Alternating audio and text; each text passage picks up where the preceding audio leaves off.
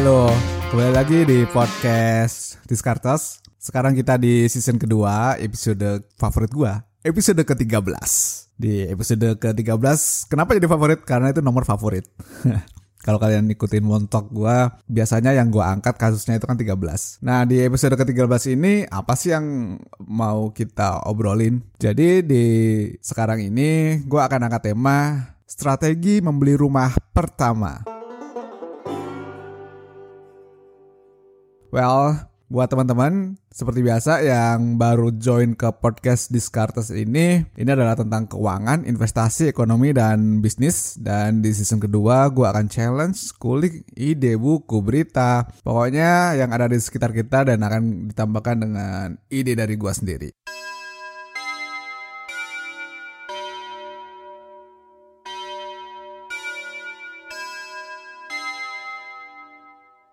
Kenapa gue angkat tema membeli rumah pertama?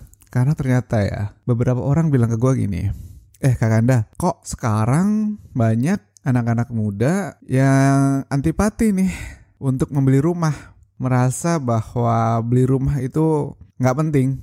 Nah, so sekarang gue akan mencoba meluruskan dari sisi financial, penting gak sih beli rumah? Tapi di awal gue akan bertanya dulu ke kalian, memangnya siapa yang bilang kalau beli rumah itu tidak diperbolehkan? Ayo, siapa yang bilang? Gak ada kan? Sebenarnya gak ada kan?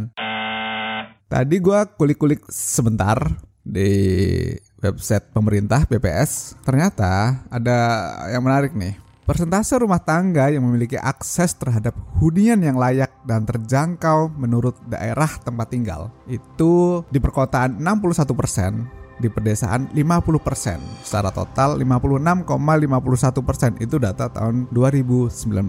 Apakah kita akan bicara data itu? Enggak, itu biar kalian tahu aja, biar kalian ngeh aja soal kelayakan kepemilikan tempat tinggal. Buat gua, sandang pangan papan itu tetap ada. Ya sekarang ditambah sama kuota. Tapi papan rumah tinggal itu tetap menjadi bagian primer manusia.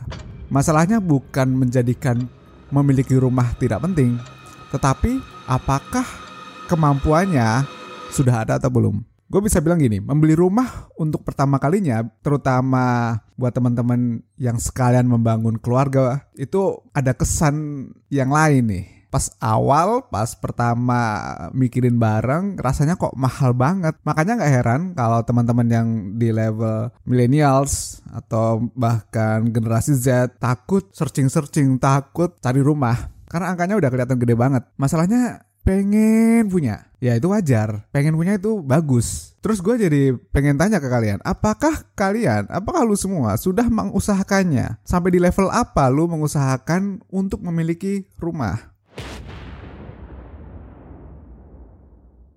Ini rumah pertama loh. Rumah pertama mungkin akan jauh dari rumah impian dan itu wajar. Wajar banget. Misalnya kalian punya ekspektasi punya rumah istana kayak yang di raja, ratu di film-film Hollywood yang gede-gede gitu. Banyak kamarnya, bisa nanam pohon kelapa dan lain sebagainya. Tapi kalau secara umum kita baru mulai kerja, kita masih muda, terutama tinggal di area yang mahal, apakah ngincer yang kayak gitu mungkin. Itu ditanyakan kembali. So, kita, kamu harus tahu bahwa ketika membeli rumah yang pertama, itu ada dua hal yang harus diperhatikan. Pertama adalah kemauan, yang kedua adalah kemampuan. Beli rumah memang karena membutuhkannya, mau beli, dan punya kemampuannya. Jangan sampai lu beli rumah karena tekanan lingkungan. Seperti apa tekanan lingkungannya?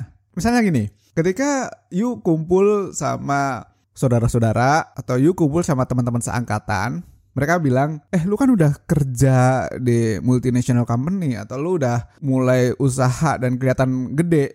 Kenapa lu nggak beli rumah? Kenapa duitnya dihabisin hanya untuk sewa, hanya untuk ngekos? Nah, jangan gara-gara eksternal seperti itu terus lu bilang, oh yaudah gue besok beli rumah. Enggak, enggak, enggak kayak gitu caranya. Tapi memang lu udah memperhitungkan. Ada orang yang memiliki capacity. Misalnya dia udah punya pemasukan duit cash 5 miliar. Seperti itu. Contohnya ya, ini contoh. Tetapi ternyata di otak dia dia akan bisnis Dan dalam menjalankan bisnis ini dia butuh dana. Dia butuh untuk memperbesar bisnisnya. Daripada dia berutang, maka uangnya tadi 4 miliar digunakan untuk membesarkan bisnisnya, 1 miliar digunakan untuk jaga-jaga rumah yang dia incar let's say 2M. Contoh. Kalau kayak gitu kan bukan artinya gara-gara orang lain eh lu harusnya dengan uang 5M tadi lu beli rumah aja. Ya ntar gimana di bisnis dia? apa iya dia harus berhutang. Jadi, ya harus diperhatikan adalah kedua hal yang tadi gue bilang tadi, mau dan mampu. Faktornya benar-benar soal internal kita, kita mau dan kita mampu, bukan memaksakan. Bukan karena eksternal dari yang memaksakan. Kemudian, ketika kita bicara soal pembelian rumah, poin pertama yang harus kalian perhatikan adalah kapan mau beli rumahnya. Ini menjadi penting. Penting loh kita untuk tahu waktu pembelian rumah karena harus menyesuaikan dengan cara pengumpulan dana. Gue kasih contoh gini, lu udah berencana mau beli rumah tahun depan.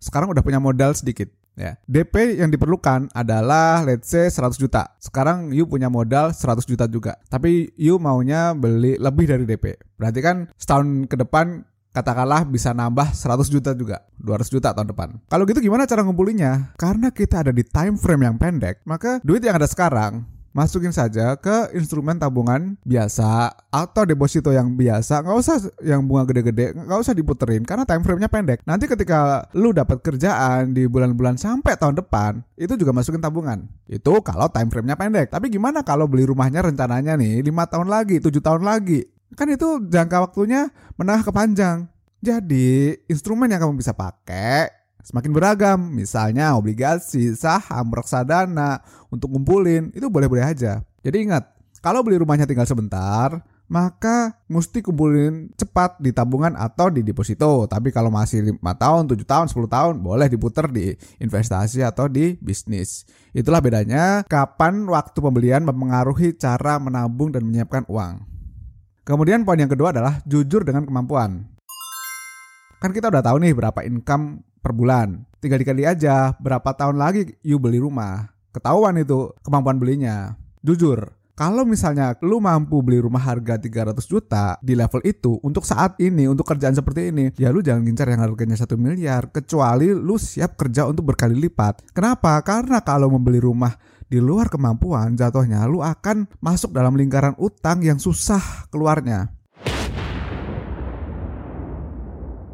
Iya, memang ketika ngajuin eh, KPR sudah dihitung berapa maksimal pinjaman, tapi ada beberapa orang yang akan pinjam ke sekeliling buat nambahin. Nah, itu sebenarnya jatuhnya tabungan menjadi nggak sehat. Kondisi keuangan jadinya nggak sehat dan hati-hati kalian soal itu. Alright. Yang ketiga, dana jangan mepet nih. Ini penting. Dana yang disiapkan jangan sampai mepet dengan DP. Masa iya DP 100 juta, kamu juga cuma punya duit 100 juta? Kenapa kayak gitu? Soalnya kalau lu cuma punya uang yang sama dengan DP, gimana nanti pas bayar bulanannya? Udah termasuk dipikirin belum? Apakah lu akan ngepres terus setiap bulan? Karena membayar rumah ini time frame-nya panjang. Selain itu, pas bayar DP, lu juga harus beresin biaya-biaya lain yang muncul pas transaksi jual beli ini. Nggak boleh kita hanya fokus untuk bisa membayar uang muka. Kan tiap bulan lu harus bayar cicilannya. Jadi pastikan cash flow kamu jangan sampai berantakan. Itulah kenapa kita belajar financial plan agar cash flow-nya nggak berantakan. Kemudian yang keempat, ketika sudah mulai mencicil, sudah mulai dalam proses pembelian rumah, yang keempat adalah bertahan dan yakin lunas cash flow sudah aman, budget plan sudah aman, maka pastikan dan yakin bahwa ini pasti lunas sampai akhir. Ya memang kita harus optimis ketika kita sudah menceburkan diri ke dalam suatu proses, kita harus yakin kita bisa menyelesaikannya. Gue yakin teman-teman di sini yang dengerin sudah banyak yang masuk ke dalam proses ini. Dan gue tekenin ke kalian, yakinlah, yakinlah, dan yakinlah bahwa kalian akan selesai melunasi rumah kalian. Gak usah khawatir, karena lu udah di awal sudah memperhitungkan semuanya. Itulah gunanya kita memperhitungkan di awal. Pasti selesai, oke? Okay? Sekarang bagaimana kalau untuk teman-teman yang belum memiliki dana? Ini di luar konteks tips tadi.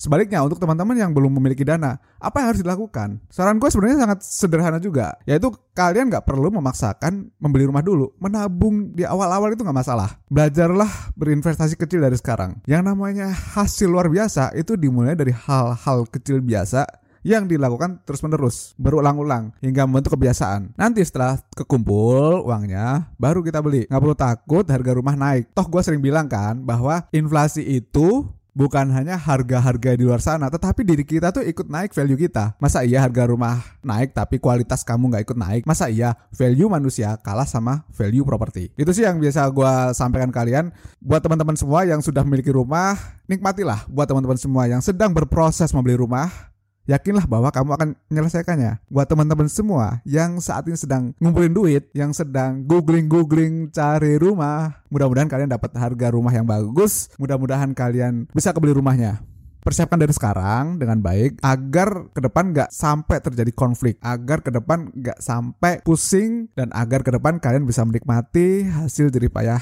sekarang. Oke, itu yang bisa saya sampaikan kali ini. Sampai jumpa lagi di podcast Descartes episode selanjutnya. Bye bye.